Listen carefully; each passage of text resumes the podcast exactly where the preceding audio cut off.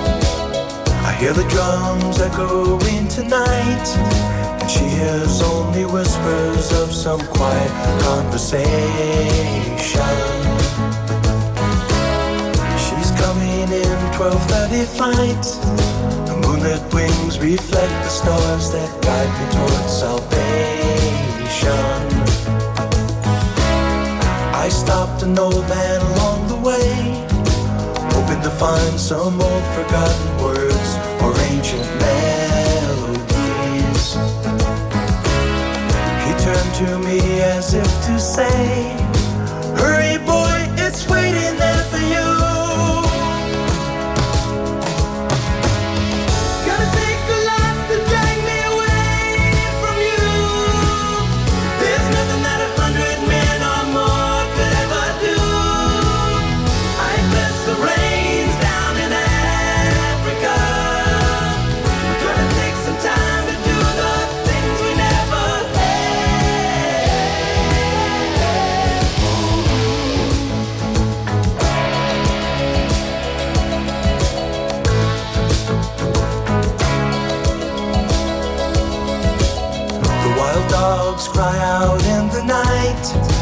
they grow restless, longing for some solitary company.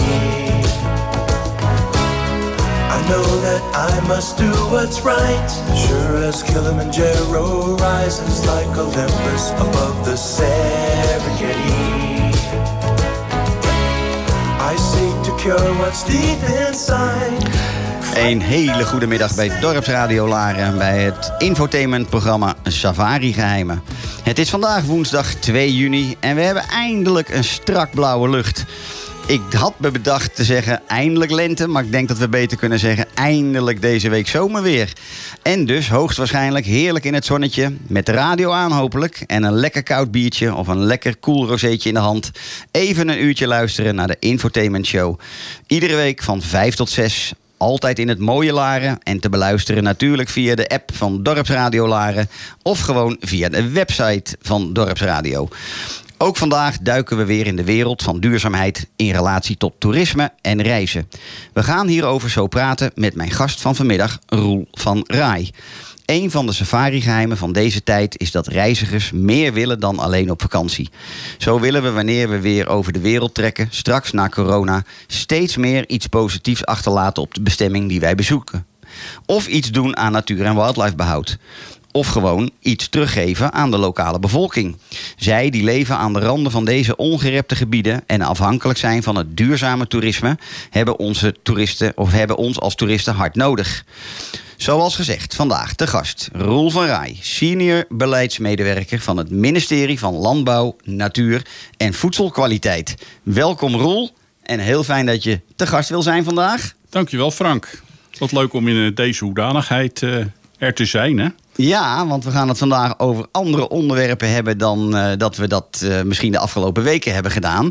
We gaan toch vandaag eens wat meer, ja, ik zou bijna willen zeggen, een klein beetje de wetenschapskant eh, in. En, en de eh, ja, maatschappelijke betrokkenheid, eh et cetera. Jij gaat ook wat onderwerpen aansnijden die je ook zelf graag wilde bespreken. En dat vind ik, vind ik mooie onderwerpen.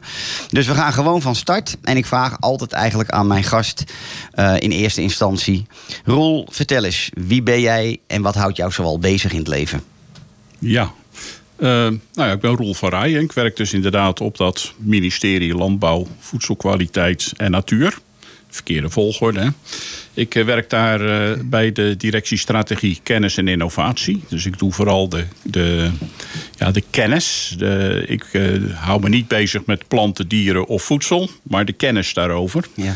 En met name de maatschappelijke betrokkenheid, dat zit in mijn portefeuille. Ehm, ik heb een geschiedenis in het onderwijs. Ik was ooit docent biologie en aardrijkskunde. Nou, in die hoedanigheid ook in Afrika terechtgekomen. Daar gaan we het zo over hebben. Ja. En ehm, eigenlijk vond ik lesgeven aan 30 pubers op 36 vierkante meter. Dat, eh, dat trok mij niet. Dus mijn onderwijscarrière was beperkt. Maar ik ben wel altijd in de natuur- en milieueducatie eh, gebleven. Dus wel Ja. werken met jongeren, werken met mensen. En aan eh, kennis en bewustwording. En dat heb ik eerst een post gedaan op een veldstudiecentrum met mensen naar buiten. Eigenlijk zoals je ook in je inleiding zei, hè, de stad uit de, de wildernis wildernis in. in. Ja. Alleen dat was in de Achterhoek of op de Veluwe. Dus dat was... eh, Kan ook heel mooi zijn. Relatief Is ook heel allemaal. mooi. Eh, daarna heb ik een natuurcentrum eh, opgezet in de gemeente Schiedam. Ik heb bij de gemeente Rotterdam gewerkt bij kinderboerderijen, schooltuinen en lescentra. En sinds een jaar of twintig in het beleid. Ja. En altijd aan de kant van de vermaatschappelijking. Dus eh, wat vinden mensen van natuur? Hoe zijn ze daarmee verbonden? Ja. Wat triggert ze? Eh, dat is denk ik ook bij, eh, bij Safari. Hè? Daar zitten drijfveren achter. Nou en of. Daar zit een hele wereld achter Ja. van verbinding. Ja. En nou, daar wil ik het wel graag over ja. hebben. Nou, leuk. Want kun je ons ook nog vertellen hoe, hoe je zo bij het ministerie terecht bent gekomen? Ja, dat is toeval, zou, zeg ik altijd. Ja, oké. ik, ik ben van de ene baan in de, In de andere, gerold. Ja, ja, ja, ja. oké. ja, dat was geen vooropgezet plan. Nee, oké. Eh, en alweer twintig jaar zeg je? Ja. Jeetje, mooi. Ehm, nou ja, dan zou ik je inderdaad willen vragen, net als dat ik eh, dat heel vaak vertel. Wat heb jij met de natuur? Wat is dat wat, wat je erin bezighoudt? En Ja. dat waarschijnlijk al inderdaad met alles wat je net vertelde, wat je gedaan hebt. Wat is het precies? Ja, ja, ja, ja, niet zozeer dat ik bijvoorbeeld een vogelaar ben of alle planten ken, eh, maar ik heb wel een fascinatie voor natuur. Eigenlijk meer natuur als systeem. Hoe knap dat in elkaar zit, hoe knap die relaties zijn. eh, de fascinatie dat één cel in een plant zuurstof kan maken, dat geen enkel ander organisme dat kan. Eh, ja, voedselketens, eigenlijk hoe wij er ook van afhankelijk zijn. Dus Ja. die, ja, er zit eigenlijk een fascinatie op systeemniveau. Mooi. Ja. We gaan vandaag wat dieper dan, eh, dan de afgelopen weken. Maar dat vond ik ook juist zo bijzonder eh, aantrekkelijk om jou hiervoor uit te nodigen. En ehm, ehm, oké, dus eh, dat is inderdaad jouw achterliggende interesse voor natuur. Ehm, nou ben jij ook wel eens in Afrika geweest. En wat heeft dat met je gedaan? Want daar vertelde je van de week in ons voorgesprekje al iets over. Maar wil je de luisteraars ook daarin meenemen? Dat Ja. heeft jouw leven veranderd, zei je. Ja, dat, dat, was, dat was wel een ervaring die eh, de- totdat op de dag van vandaag bijbleef. Eh, ik eh, zat op een leraaropleiding, biologie en aardrijkskunde. Nou, twee mooie vakken. En in het derde jaar moesten wij kiezen. Ja. Of we gingen, zeg maar, de bestuurlijke kant. Dan ging Ja. je naar eh, het Oostblok, Ja. de politieke eh, eh, geografie. Ja. Of je ging naar de economische kant. Ging je naar Amerika voor een aantal weken. Om daar te kijken naar, naar de, de rol van bedrijfsleven. Of je deed eh, de Noord-Zuid verhoudingen. Nou, eh aardrijkskunde is mooi, maar biologie is nog mooier. Dus dat was voor mij een uitgemaakte zaak dat ik wilde naar die Noord-Zuid eh, eh, verhoudingen kijken. En daar hoorde op het eind van dat derde jaar een aantal weken naar Afrika. Ja. En in dit geval was dat eh, eh, Kenia en een klein stukje Tanzania. Ja. ja dat was een, eh, excursie waar we heel veel aan hebben voorbereid. Zowel de sociale kant van de geografie van Afrika als zeg maar ja, de natuur. Ja. En we zijn daar een week of drie, vier geweest. Ehm, te beginnen in Nairobi. Ja. Maar dan ook echt in de sloppenwijken van Ja, Nairobi, ja. Matara. Valley. Daar hebben wij een week rondgelopen. ja. Eh, dat zou je nu niet meer moeten proberen. Overigens, het is redelijk gevaarlijk. Onder begeleiding wel, maar niet zonder maar toen zonder waren we nog jong en naïef, Ja, hè? toen deed Dus je dat dan, nog eh, dan doe je dat gewoon ook. Ja. En ik vond dat een, eh, een uitermate fascinerende ervaring. Ook al het idee dat de spijkerbroek aan de gat... dat daar een gezin een jaar van zou kunnen leven. Of het fototoestel dat je maar een beetje uit het zicht eh, eh, hield. Ja. Dat er een waarde vertegenwoordigt... Waar, waar ze in Afrika destijds ook in ieder geval... en misschien nog wel eh, van dromen. Ja. Tweede week stond in het teken van het land verkennen. Mhm. Nou, dat was fantastisch met een, met, met een klein busje. We waren maar met een, met een klein gezelschap. En dat betekent Masai Mara. Dat betekent Nakuru, Lake Navasha, eh Victoria meer. Mooi. Vervolgens terug en de laatste weken eh, naar de kust. Met die oude trein die toen nog eh, reed van, eh, van Nairobi naar Mombasa. Ja, toevallig twee weken geleden met een andere gast ook over gesproken. Die heeft dat ook gedaan. Geweldig. Ja. En dat je dan s'nachts moet stoppen omdat de olifanten op het spoor staan. Hè? Moet eerst even verjaagd worden. Hij is vernieuwd inmiddels, hè, die trein. Maar ja, die ja, oude, die oude nostalgische oude trein. meegemaakt, Ja, hè, ik dat, ook. ja. was echt een ervaring, hè? Een enorme ervaring. Ja, absoluut. Nou, en dan kom je in Mombasa. En dat is natuurlijk weer net een andere kant van Afrika. Met veel meer de Arabische invloeden. Ook in de bouwstijl, ook in, in eh, ja, de bevolking. Ja. Eh, Islamitisch aan ja, de kust. Zeker, zeker. Ja. Ja, en toen helaas weer terug. Maar zeg maar, dat heeft zowel de Nairobi en, en de sociale aspecten... heeft me enorm geraakt. Dus altijd Afrika moet je niet alleen zien. Je moet Afrika ook ruiken. En je moet Afrika ook voelen. Correct. Het is En, een zintuigelijke eh, bestemming. Ja, en wij waren En- natuurlijk niet echt toeristen. We deden daar ook onderzoekjes. tuurlijk. Wij waren onder andere bij de paters van Mill Hill waren wij te gast. En daar hebben we ook geslapen, daar hebben we ook gewerkt. Ehm, ja, dat is heel fascinerend. Mooi. En heb je, heb je, want je hebt ongetwijfeld in die tijd dat je ook langs die park eh, ging, ondanks dat je aan het werk was, heb je ongetwijfeld toch ook veel wild eh, of eh, wild sightings gezien. Ja, absoluut. Eh, Absoluut. Zijn er nog dingen van heel, hele bijzondere dingen geweest die bij, bij zijn gebleven, waarvan je dacht dat heeft de meeste indruk op me gemaakt? Ehm, ja, het busje ging op een gegeven moment kapot. En toen waren we nog vier uur van de bestemming van in, in het hart van Mazamara. Ja. En ehm, nou ja, er, er stond altijd een heel groot geweer bij de, bij de driver. Hè? Ja, Eh, ja. ja, de driver moest hulp gaan halen. Ja. En toen was het wie wil het geweer vasthouden, want de leeuwen zijn hongerig. dat was fantastisch. Ook bangmakerij. Dus, dus wij, hebben daar, wij hebben daar echt tot diep in de nacht bij een kampvuurtje gewacht. Hopen dat de leeuw niet zou komen, maar de hulp wel. Oh. En een ander was dat eh, wij, wij sliepen een nacht in een van de hutten bij de Maasai. Ja, mooi. En wij mochten niet de bomen uit. Nee. En nee. dat kwam omdat de buffels daar liepen. Ja. En ehm, ja, de ochtend daarna moesten we even mee. En toen hadden ze een van die buffels geschoten. En Ze, die, die, Mas, eh, die Maasai die zijn banger voor buffels dan van leeuwen. Ja, correct. En Ja. eh, dus toen heb ik daar meer nog wat mooie foto's van bij die, bij die buffel gekeken. En wat een kolossaal dier. Ja, ja.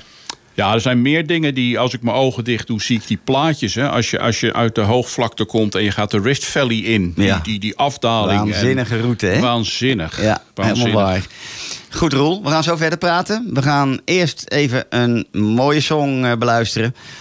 This is the last time van Keen. This is the last time that I will say these words. I remember the first time,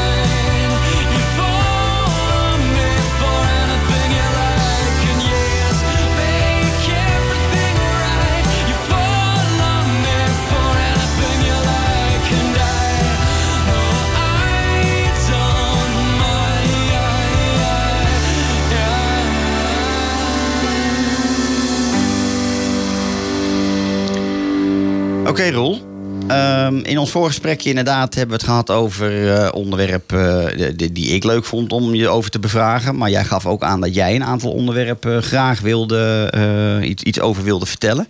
En dat vind ik eh, hartstikke mooi. En één daarvan is dat jij zei, ik wil iets meer vertellen over de rol van educatie. En jij noemde dat ook zo mooi. Dat is de kernrol van mijn vak. Ja, dat is eigenlijk wat er als een rode draad door eh, al mijn banen heen loopt. Ja. Ehm, en eigenlijk begint dat, begon dat bij mij al, al erg jong. Hè. Ik ging met mijn vader en moeder eh, naar de Veluwe op vakantie. Het meest spannende was om, om een uur of vijf opstaan. En dan eh, sluipen door het bos om te kijken of je herten en zwijnen zag. Ja. Ik bedoel, het is natuurlijk iets anders dan de Afrika. Ja, maar maar het heeft toch- diezelfde... Het heeft dezelfde soort gevoel. Precies. Dat en weet dan, ik. Het gaat, het gaat het eigenlijk over het avontuur, over het ontdekken. Ja. En eh, nou eigenlijk heb je dat ook wel in dierentuinen. Die, die fascinatie van, goh, wat is dit nou toch? Wat, wat, wat, wat, wat bijzonder allemaal. En ehm, ik denk dat dat ook de, de relatie is met safari. Hè? Het willen beleven, het willen zien. Eh, maar om daar een verlangen naar te krijgen, moet wel een aanleiding zijn. En dat kan in je jeugd zitten. Eh, zoals ik net zelf vertel, dat kan zijn eh, spelen in de natuur. De- dus vakanties zijn vaak een eerste trigger voor kinderen om iets van een beleving te hebben van goh, wat fascinerend. Ja. En dat kunnen dus landschappen zijn, kunnen planten zijn, kunnen dieren zijn, iets waardoor je gegrepen wordt.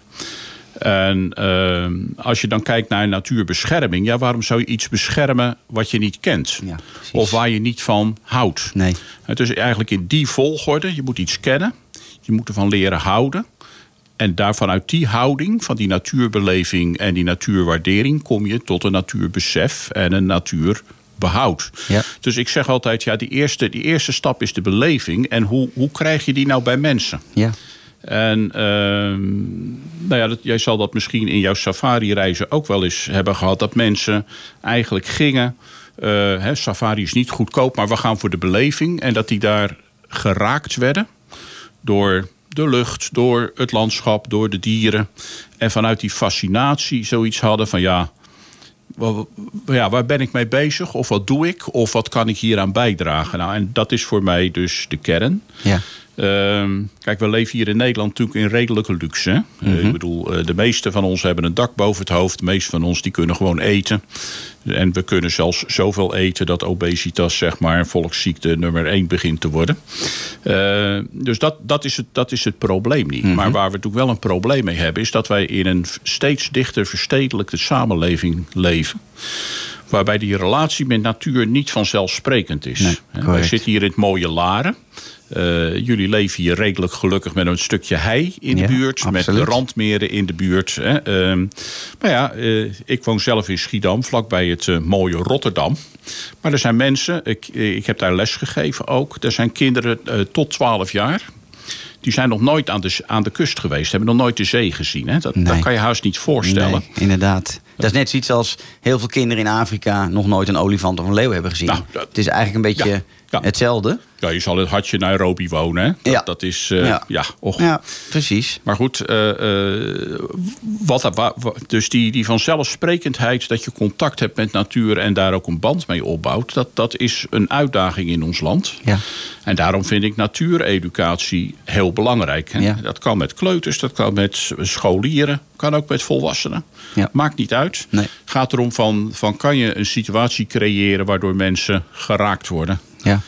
Nou, dat, dat is ook de kern van mijn werk. Ja. Eh, ik doe dat niet altijd zelf. Er zijn allerlei organisaties in Nederland die daarmee bezig Mhm. zijn. Eh, Staatsbosbeheer, Natuurmonumenten, bezoekerscentra, nou, eh, noem ze maar op.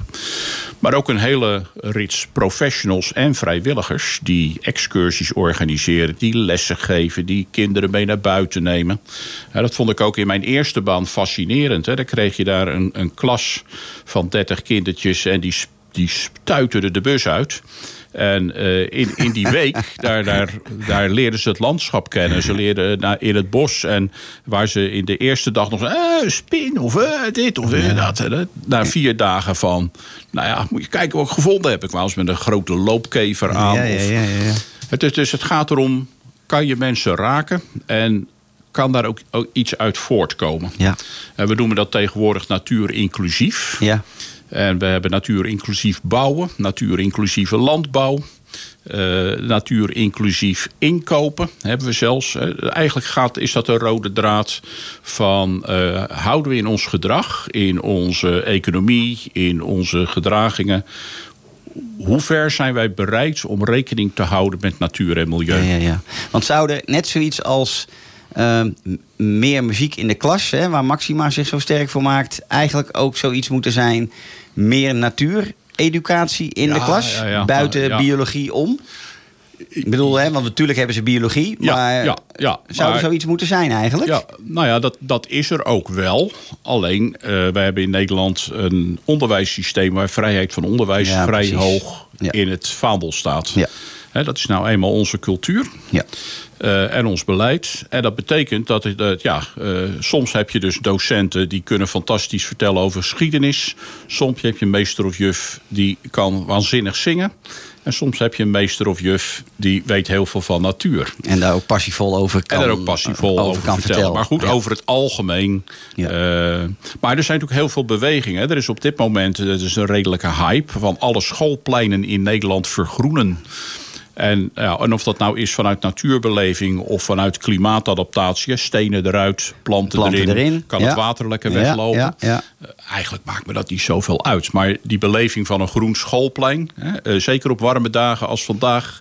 is het onder de bomen is het veel fijner... als op een, op een Ja, asfaltspeelplaats. ja, zeker, zeker. Dus eh, nee, maar daar- daar, wordt aan gewerkt. Door, wordt hard aan gewerkt door een hoop mensen. Eh, maar om dat structureel te krijgen... dat is de grote uitdaging. Ja, want vind jij uiteindelijk eh, dus die rol, die belangrijke rol van educatie op dit moment voldoende? Of zou jij inderdaad pleiten voor een nog grotere rol op, op dat vlak? Of zeg je ja, dat is bijna ja, dat, niet dat is mogelijk? natuurlijk een gewetensvraag. Hè? Als Ja. je het mij als, als persoon vraagt, zeg ik ja, dat is nooit genoeg. Want Nee. dat, is, dat Nee. is natuurlijk ook mijn passie. Ja. Dat is een politieke vraag, Frank. Dat moeten Ja. de minister maar eens vragen of ze het genoeg vindt. Ja, nou ja, eh, volgens mij eh, leren we steeds meer over de staat van onze planeet. Eh, daar worden we ook in de media natuurlijk steeds meer mee overspoeld. En gelukkig allemaal met de beste bedoelingen. Eh, Ehm, en, en betekent uiteindelijk wel dat we, ons, eh, dat we steeds meer geleerd krijgen. Want als we het nu de komende tien jaar niet gaan doen, dan gaan we het nooit meer doen. Ehm, dus het kan eigenlijk nooit genoeg zijn, naar mijn mening. Hè, als ik, ik nog dagelijks berichtgeving krijg over het aantal diersoort X of Y of Z is weer met zoveel afgenomen. De biodiversiteit komen zo ook nog even over te spreken. Ja, daar word ik, word ik niet vrolijk van. En ik denk niet dat ik alleen, ik denk met mij honderdduizenden mensen, ook in Nederland. Ehm, dus ja, wat mij betreft mogen we de, de minister zeker nog aansporen Ja, om nog meer Maar goed, Het gaat educatie te natuurlijk doen. niet alleen over onderwijs. Hè. Nee. Het gaat natuurlijk ook over de rol van ouders, hoe die hun kinderen opvoeden. Het gaat ook over het gedrag van volwassenen zelf. Want de vraag is natuurlijk ook: wil jij met jouw inkopen rekening houden met natuur en milieu? Ja. Eh, Wil, jou, eh, wil jij de auto inruilen voor openbaar vervoer? Wil jij als straks de vliegreizen weer gaan beginnen, willen wij minder vliegen met elkaar? Ja. Het zijn natuurlijk allemaal En gewetensvragen. dan kom ik in een gewetensvraag terecht, Ja, nee, inderdaad. komt in een gewetensvraag Ja. waarin je dus ook in de persoonlijke keuze terechtkomt. Ja, ja. En dat is, dat is altijd lastig. Hè? Van, van, eh, wij kunnen geen overheid zijn van een vingertje van dit mag niet en dat mag niet. Het moet toch ook een gedragen eh, wereldbeeld zijn wat mensen met elkaar opbouwen en daar ook naar handelen. Ja. Mooi, mooi einde van dit stukje. Ehm, we gaan naar Coldplay, die gewoon weer eens even heerlijk feestelijk tekeer gaan in Viva la Vida.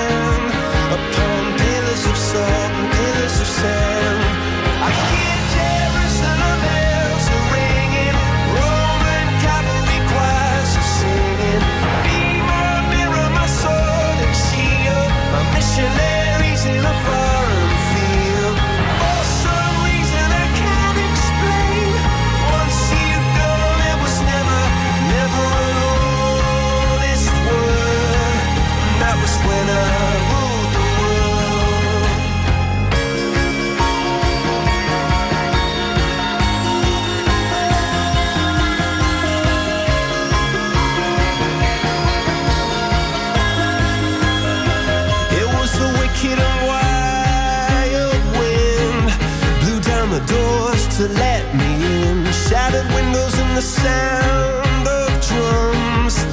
People couldn't believe what I'd become.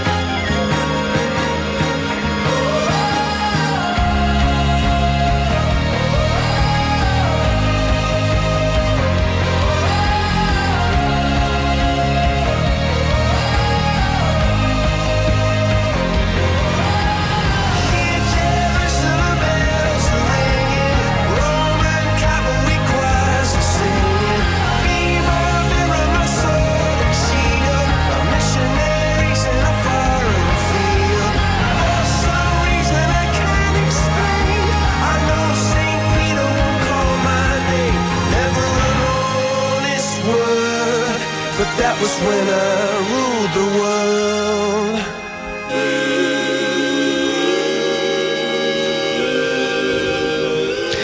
Goed, we gaan het hebben over het internationale biodiversiteitsverdrag, Roel.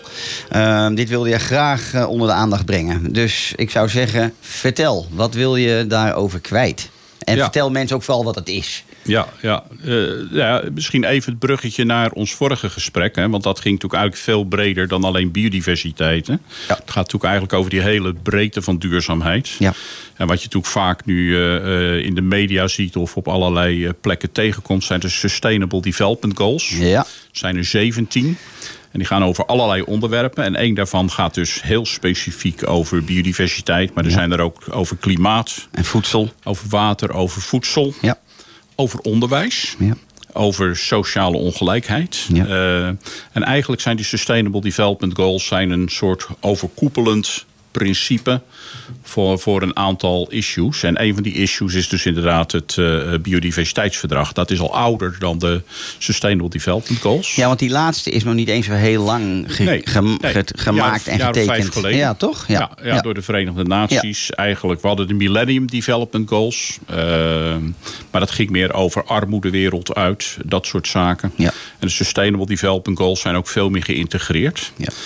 Kijk, we hebben natuurlijk een aantal beleidsterreinen waar, eh, eh, waar heel specifieke onderwerpen aan de orde komen. Eén daarvan is CBD, de Convention on Biodiversity. Ja. Ehm, nou, die bestaat al, al eh, nou, ieder geval zolang ik bij LFV werk, kan ik me niet anders herinneren dan dat er is. Dus die is zeker, zeker al twintig jaar oud, maar nog wel ouder. Ja. Maar die gaat echt over, over biodiversiteit. En nou is wel het grappige van biodiversiteit... dat mensen daar een, het woord wel horen... maar dan misschien niet helemaal een beeld bij hebben. Maar biodiversiteit is eigenlijk alles wat leeft, groeit en bloeit. En ons altijd weer boeit, zei Bart Garthoff. Maar dat is heel lang Oké, geleden. oké. Ehm, Die ken ik ook nog niet. Nee, precies. Maar eh, mensen denken dan vaak aan, aan dieren en de bescherming van dieren. Ja. Eh, maar het gaat ook over planten. Ja. Het gaat ook over bacteriën. Ja. Het gaat ook over ecosystemen. Dus het hele totaal van planten en dieren. Ja. Dus de conventie van biodiversiteit eh, laat vooral zien van dat het waard is om die, nou, wat het, het woord het zegt, hè, die diversiteit in leven te behouden en te beschermen. En eh nou, een van de artikelen, artikel 13, ken ik toevallig uit mijn hoofd. Want het gaat weer over communicatie, Ja. educatie, Ja. participatie en awareness, bewustzijn. Nou, dat is een mooie link natuurlijk ook naar safari en het beleven van Dat is Afrika. precies wat ik ga Ja. proberen te doen met Safari precies. Secrets. Het bewust maken van... Dat zit dus ingebed in die Sustainable Development Goals. En net als eh, eh, het eh, klimaatverdrag. Daar hebben we het over Parijs hè, of over Kyoto. Of nou komt er nu weer komende maanden, houd de pers in de gaten, komt er weer daar een update van. Het zijn allemaal sets van internationale afspraken over, over hoe we daarmee omgaan. Kijk, en op dit moment hebben we COVID aan ons hoofd. En wat daar natuurlijk wel, wel ehm, naar voren komt, is de relatie tussen voedsel, biodiversiteit en gezondheid. Want die, dat virus is niet voor niets overgesprongen vanuit de wild. Daar gaan we maar even vanuit Ja. hè, dat de wappiedenkers daar eh, geen gelijk in hebben dat het in een fabriek is gemaakt. Hè, maar vanuit de biodiversiteit naar, eh, naar mensen. Ja. En daar hebben we natuurlijk een groot probleem. Ja, Maar daarachteraan komt nog wel een groot probleem. Dat is het klimaatprobleem. ja precies. En dan niet zozeer ook dat alleen dat de zeespiegel gaat eh, eh, Stijgen, stijgen. ja. Dan hebben we in Nederland natuurlijk al gauw natte voeten. In, ieder geval in het westelijk deel van Nederland. Ja. Jullie zitten hier goed op het zand.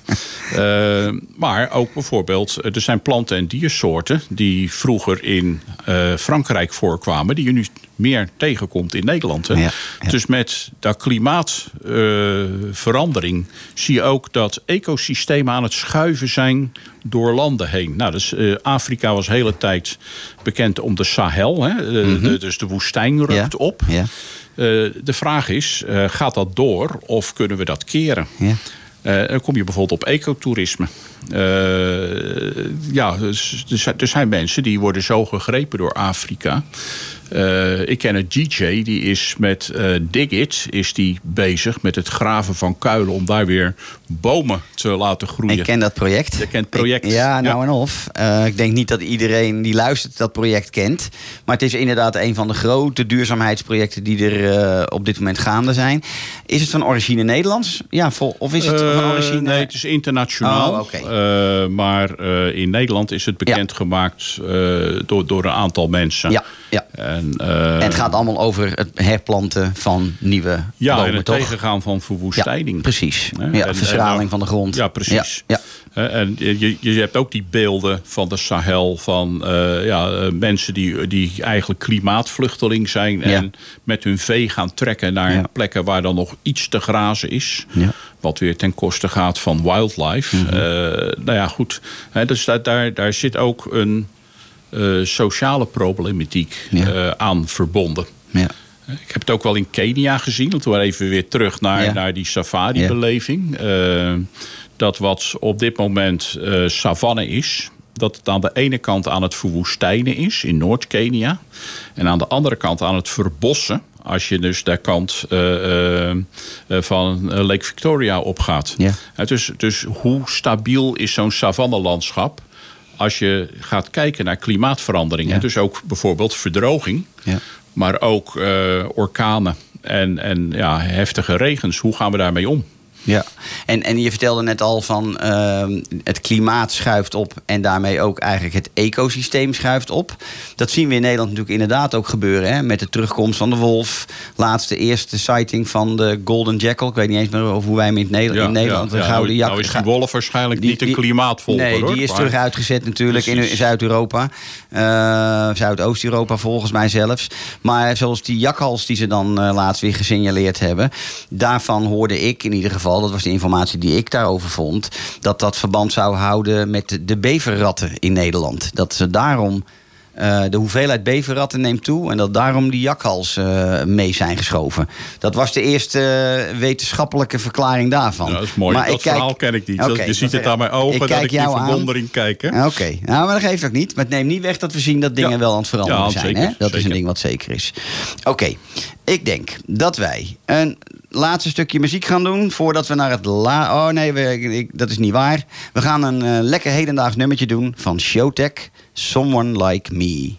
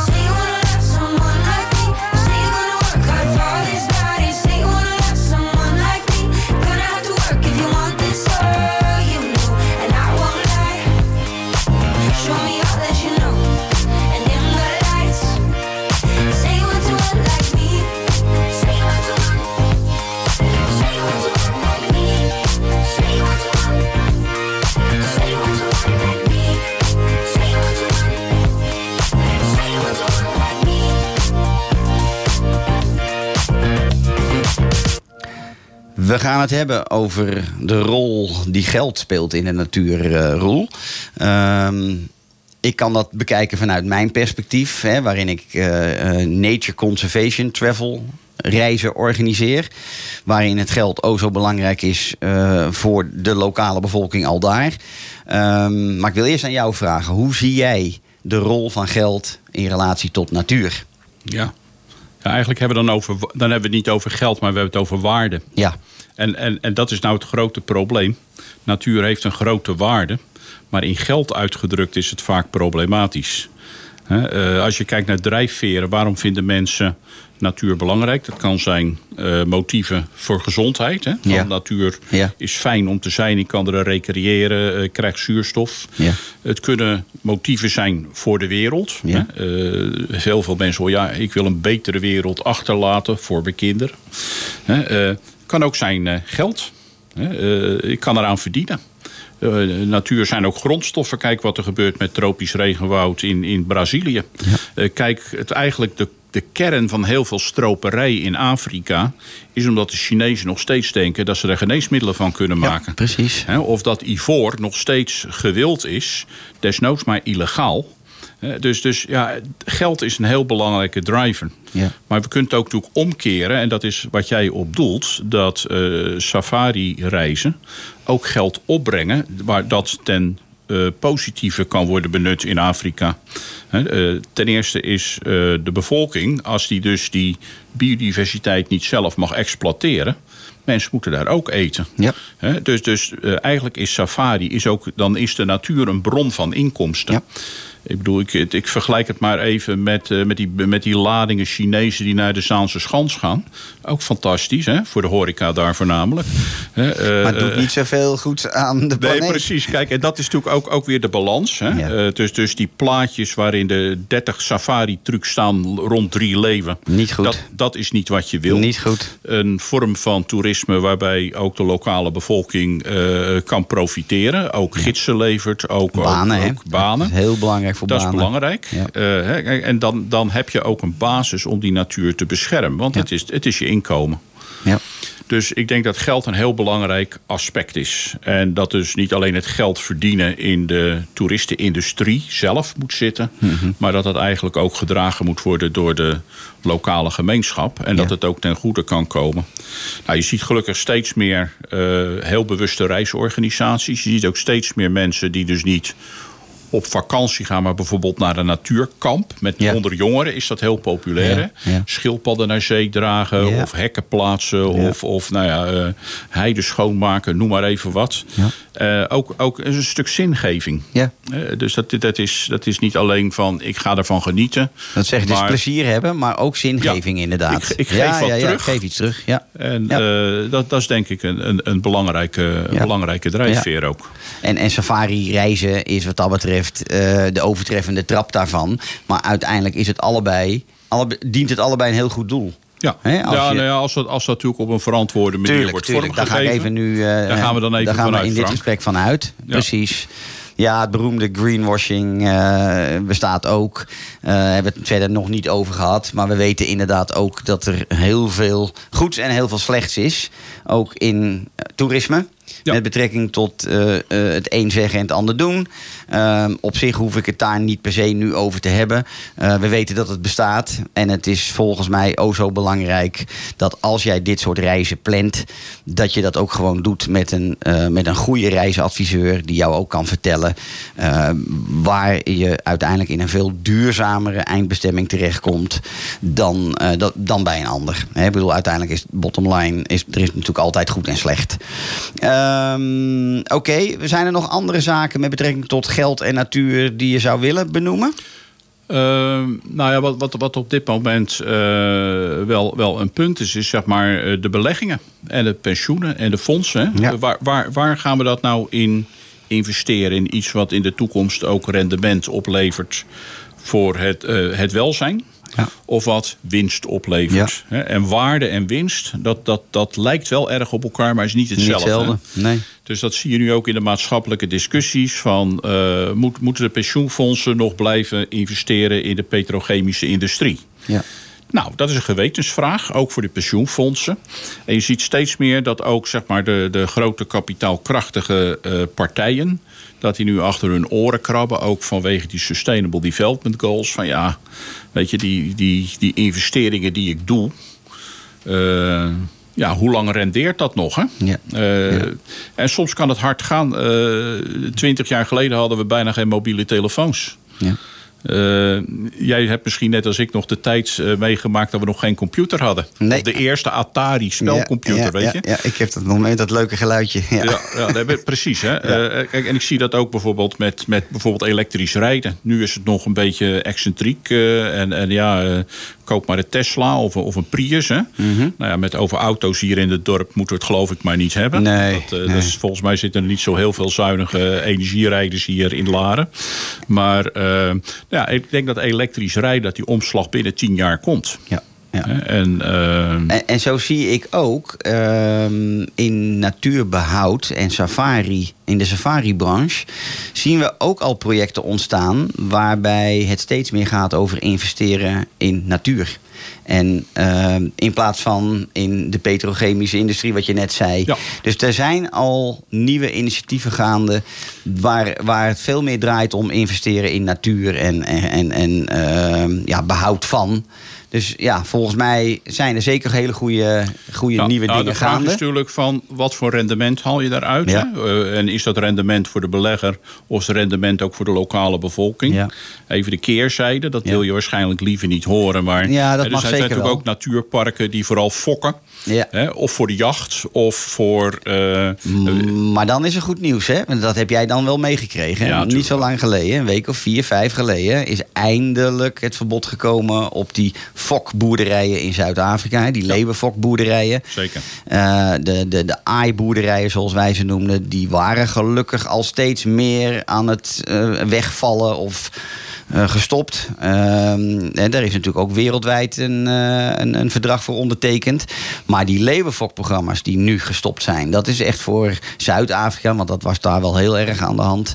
Eh, dat vind ik, wel, vind ik wel een heel fijn gegeven. Dat Ja, dat eh, ja. gelukkig. En kijk, het terugfokken van dieren om een populatie te herstellen is natuurlijk wat anders als een populatie gaan creëren en dan de jachtrechten gaan Precies, verkopen. hè? precies. En dan krijgen we van die plaatjes van zo'n trotse Ja. eh, zakenman die zijn grote olifant heeft geschoten. En het erge daarvan is dat ze dan op Facebook staan en dan ook soms nog honderdduizenden volgers hebben. Dat is nog het ergste daarvan. Want, eh, Nou ja, dat kennen we ook uit, eh hoe heet die film, Tiger, Tiger King. Hetzelfde verhaal. Er klopt niets van van die man. Maar miljoenen mensen zijn naar die film geweest. Dus het is, ja, hoe dat werkt in, eh, in mensen hun geest is Ja, wat dat blijkbaar betreft toch bijzonder. status. Hè? En ja. Ja. wat, wat wil je uit toerisme halen, Ja. Frank? Ja. Ik bedoel, stel je gaat naar Dubai.